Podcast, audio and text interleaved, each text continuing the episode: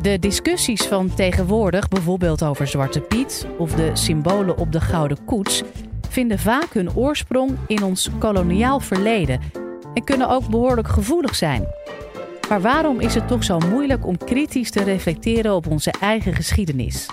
In dit college neemt Caroline Drieënhuizen van de Open Universiteit ons mee terug in de tijd. Live vanuit Club Air is dit de Universiteit van Nederland. Ik wil jullie twee casussen voorleggen. Eén casus is de Gouden Koets. De Gouden Koets is de koets waarmee de huidige koning van zijn paleis naar het Binnenhof rijdt om elk jaar de troonrede uit te spreken. In 2011 kwam deze koets in het nieuws. Er kwam kritiek op de koets. Want men had dus goed naar de panelen gekeken en men zag hier dat de koloniale bevolking uh, van Nederland eer betoonde aan de Nederlandse maagd. En dat was een die, die mensen die waren halfnaakt afgebeeld in een onderdanige setting. En er waren mensen die vonden dat dit niet meer kon dat in deze tijd. Dat dit racisme was en ook het koloniale rijk verheerlijkten. Dat was in 2011. In 2015 kwam er weer een protest op. En ditmaal zei zelfs Mark Rutte: Ja, leuk dat protest, maar we gaan er niets aan doen, want we kunnen de geschiedenis nu eenmaal niet veranderen. Gelukkig voor het Koningshuis en voor Mark Rutte ging de gouden koets in restauratie en uh, werd die vervangen door de glazen koets en verdwenen ook de protesten. De andere casus die ik jullie wil voorleggen is Jan Pieterszoon Koen, een standbeeld in Horen. Jan Pieterszoon Koen was een gouverneur-generaal van Nederlands-Indië. Hij werd in de 19e eeuw gezien als de grondlegger van het koloniale rijk van Nederland en als een man met goed ondernemingschap, uh, handelszin en al dat soort dingen meer. Maar hij is ook de man geweest die een massamoord heeft laten plegen op een eilandenrijk in het oosten van Indonesië, Banda. En in 2011 kwamen er burgers vanuit Horen, die, die, die, die verhieven hun stem en zeiden, ja dat kan toch niet? Je zet een massamoordenaar toch niet op een sokkel als standbeeld? Nou, die protesten die gingen zo door. En in augustus 2011, met het afbouwen van de Hoornse kermissen, wat gebeurde er toen? Een hijskraan stoten het standbeeld voor zijn sokkel. Nooit eerder gebeurd. In 2011 gebeurde het. Boze tongen beweerden natuurlijk dat ze daar opdracht voor hadden gekregen. En de tegenstanders van Koen zeiden: Nou, laten we dan meteen iemand anders op, dat, op die sokkel zetten. Wie is nog meer een bekende hoornaar? Nou, dacht men: Oh, die uitvinder van het fluitschip, dat is leuk. Maar Koen is weer teruggezet en er is een extra bordje bijgehangen. Deze discussies ja, die zijn, niet, uh, zijn geen geïsoleerde voorbeelden. Ook de reacties van voor- en tegenstanders zijn niet uniek. Ze staan voor een groter geheel. Het zijn vormen van opstand uit ons koloniaal verleden. En ze ontstaan door de manier waarop wij naar de geschiedenis kijken en die bestempelen als zijnde de geschiedenis. Ik ben historicus en ik doe onderzoek naar het koloniaal verleden van Nederland. En ik ben met name geïnteresseerd in Nederlands-Indië. Een kolonie van Nederland dat jullie nu waarschijnlijk beter kennen als Indonesië. In dit college wil ik jullie laten zien hoe dat koloniaal verleden nog steeds doorwerkt in de huidige maatschappij.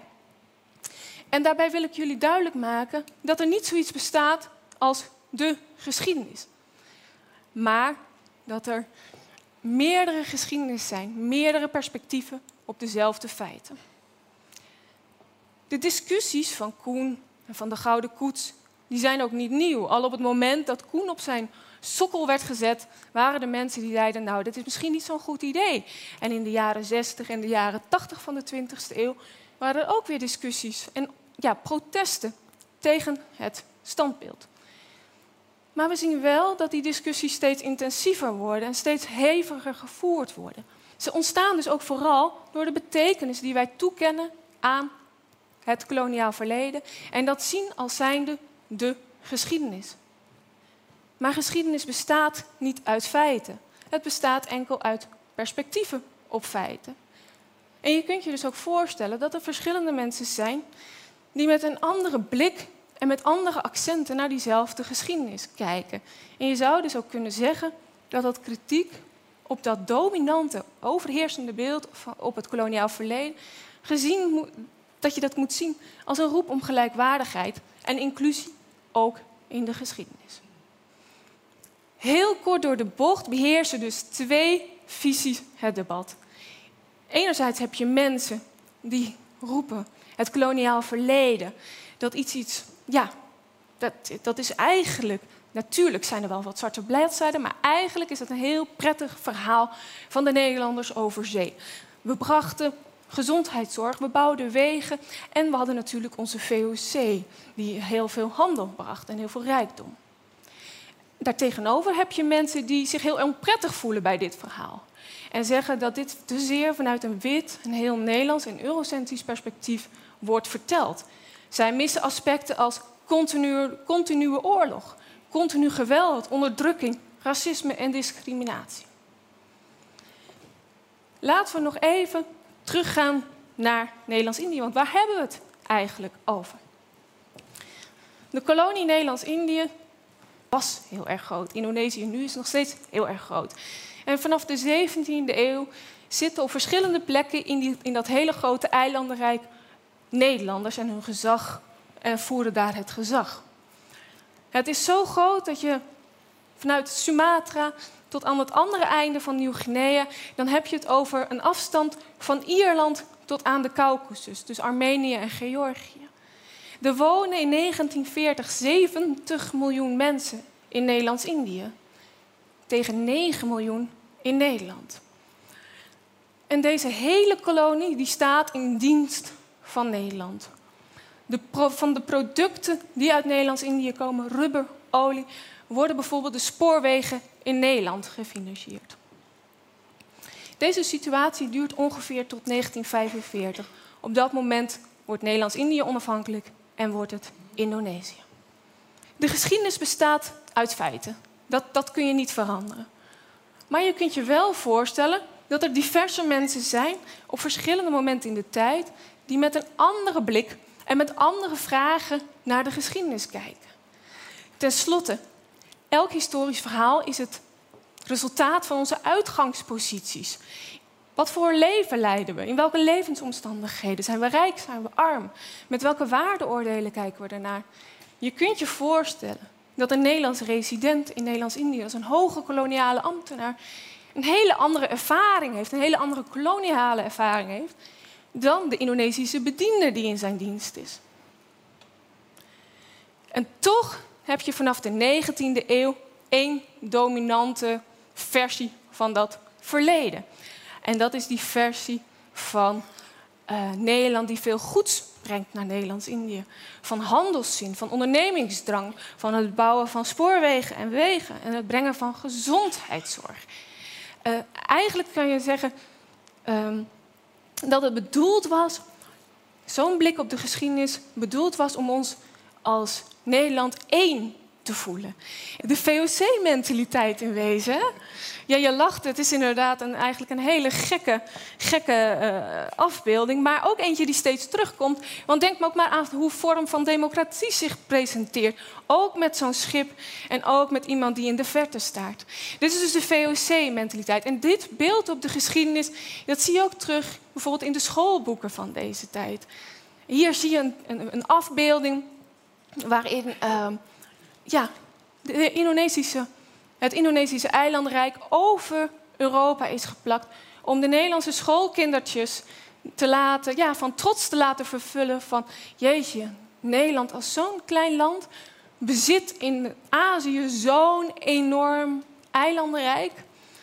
We zien het ook terug dus, nou ja, in dus die monumenten van Koen. In straatnamen naar die vernoemd zijn naar die helden zoals Koen. De Witte de Witstraat, de Admiraal de Ruiter Boulevard of de Admiraal de Ruiter Kade. Ehm, de Piet Hein-tunnel, de Koentunnel natuurlijk. Al dat soort dingen zien we er aan terug. Maar het zijn dus ook mensen die bloed aan hun handen hebben kleven. dit dominante verhaal blijft ongeveer tot 1945 echt overwegend ja, het beeld domineren.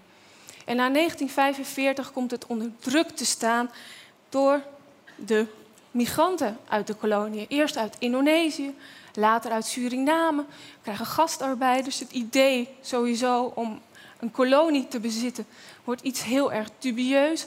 Dus op die manier komt dat dominante verhaal onder druk te staan. Tussen 1900 en 1940 trok 1 op de 40 mensen naar Nederlands-Indië in dit geval. En daarbij waren er al heel veel mensen die al generaties lang, soms zelfs eeuwenlang, in Nederlands-Indië wonen. Dus er zijn heel veel mensen met een relatie tot die koloniën.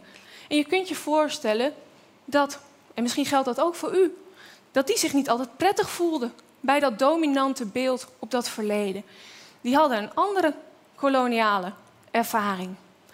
Zij hadden misschien de ervaring van onderdrukking, van discriminatie, van uh, uh, geweld.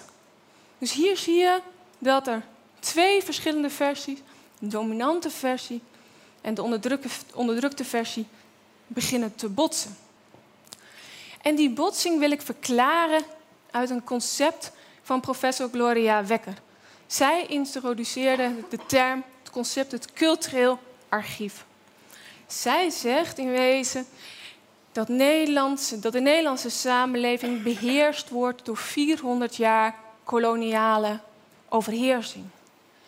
Zij zegt de patronen in onze kennis, de manier waarop we onze kennis hebben verworven, de manier waarop we naar andere mensen tegemoet treden, onze emoties worden allemaal bepaald. Al heel onze manier van denken en handelen wordt bepaald door die 400 jaar overheersing. En ook ons zelfbeeld wordt binnen die referentiekaders gevormd, het Nederlandse zelfbeeld. En zij zegt dan ook, we moeten kritisch zijn naar dit soort representaties, dus in dit geval geschiedenis. We moeten daarin het kijken hoe dat koloniaal voorleden doorwerkt en hoe macht daarin functioneert. We moeten dat bespreekbaar maken. Dat blijkt alleen nog heel erg lastig te zijn. Dat cultureel archief, die hele manier, die patronen, die blijkt heel erg in onze ja, in ons gedrag of in, in, alles van ons door te werken. Dus het is heel erg lastig. Dus onze blik is nog overwegend heel erg koloniaal. Dus je krijgt nu twee groepen. Enerzijds zijn er dus mensen die, is die, die witte eendimensionale uh, perspectieven op de geschiedenis gaan bevragen. En dat zijn dus academici als Gloria Wekker, Philomena Asset, maar ook kunstenaars als Quincy Ogario van het Verzet tegen Zwarte Piet de mensen van de Black Archives, die beginnen daar tegen in het verzet te komen. En te vragen om een plaats in die geschiedenis, om ook als gelijkwaardige Nederlanders te worden beschouwd. En anderzijds zie je dus een grote groep mensen, en dat is een groot deel van de Nederlandse samenleving, zich daartegen verzetten. En waar ligt toch die moeilijkheid om ja, die discussie aan te gaan en begrip voor elkaar op te brengen, voor die andere visie. Ja, als je zelfbeeld wordt aangevallen, dan heb je natuurlijk het gevoel dat, ja, dat een deel van je eigen identiteit wordt aangevallen. Dat de vastigheid onder je voeten verdwijnt. Ehm, dat, dat, dat je zelf in vragen wordt getrokken. En tegelijkertijd hebben we ook gezien dat ons zelfbeeld ontzettend wortelt in dat cultureel archief. En we hebben altijd geweten van die oorlogen, die misdaden, dat geweld, die slavernij. Maar omdat ze niet passen in ons zelfbeeld, hebben we nooit de woorden kunnen vinden om erover te kunnen praten en het dan ook te begrijpen. En dat is wat Paul Bijl, cultuurwetenschapper Paul Bijl, culturele afasie noemt. En je ziet nu een neiging om ja, dat verzet tegen die dominante blik op de geschiedenis te zien als een verzet tegen de werkelijke geschiedenis. Maar zoals we gezien hebben, is geschiedenis altijd geconstrueerd en aangepast aan de behoeften van dit moment, met het blik gericht op de toekomst. Er bestaat geen eenduidige geschiedenis. enkel geconstrueerde visies op feiten. En dat leidt tot polarisatie en op, tot onbegrip. Ja, hoe moeten we nu verder? Hoe kunnen we nu blijven hangen in ons eigen gelijk? Ja, dat is heel complex. Ik denk dat het goed is als we ons losmaken van ons eigen perspectief en luisteren naar de koloniale ervaringen van anderen. En dat vanuit verschillende invalshoeken gaan bekijken. Terug naar de vraag: hoe leidt het koloniaal verleden tot hedendaags verzet?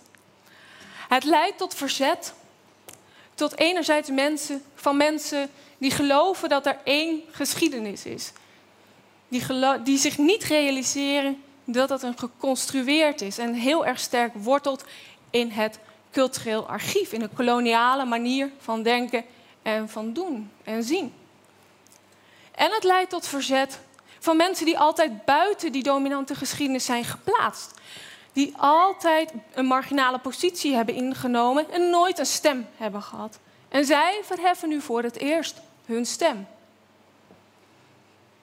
Die casussen van Koen en van de, van de, van de Gouden Koet, die verwijzen niet naar de geschiedenis zelf. Ze, ze vertegenwoordigen hoe wij op een bepaalde manier de geschiedenis zien en schrijven. Het gaat dus niet om de beelden zelf, maar om wat ze vertegenwoordigen. We moeten dus bedenken wie willen we als maatschappij zijn en waar gaan we naartoe? Hoe gaan we het verleden benoemen? Welke betekenis willen we dat toekennen? Welke gebeurtenissen gaan we uitlichten? En wie gaan we letterlijk en figuurlijk op een voetstuk plaatsen of ervan neerhalen? En is dat verzet of is verzet daartegen nodig? Eh, ik denk het niet. Ik denk dat we moeten gaan erkennen dat geschiedenis nooit eenduidig is en veel complexer met veel meer diverse perspectieven is. Ik dank u wel.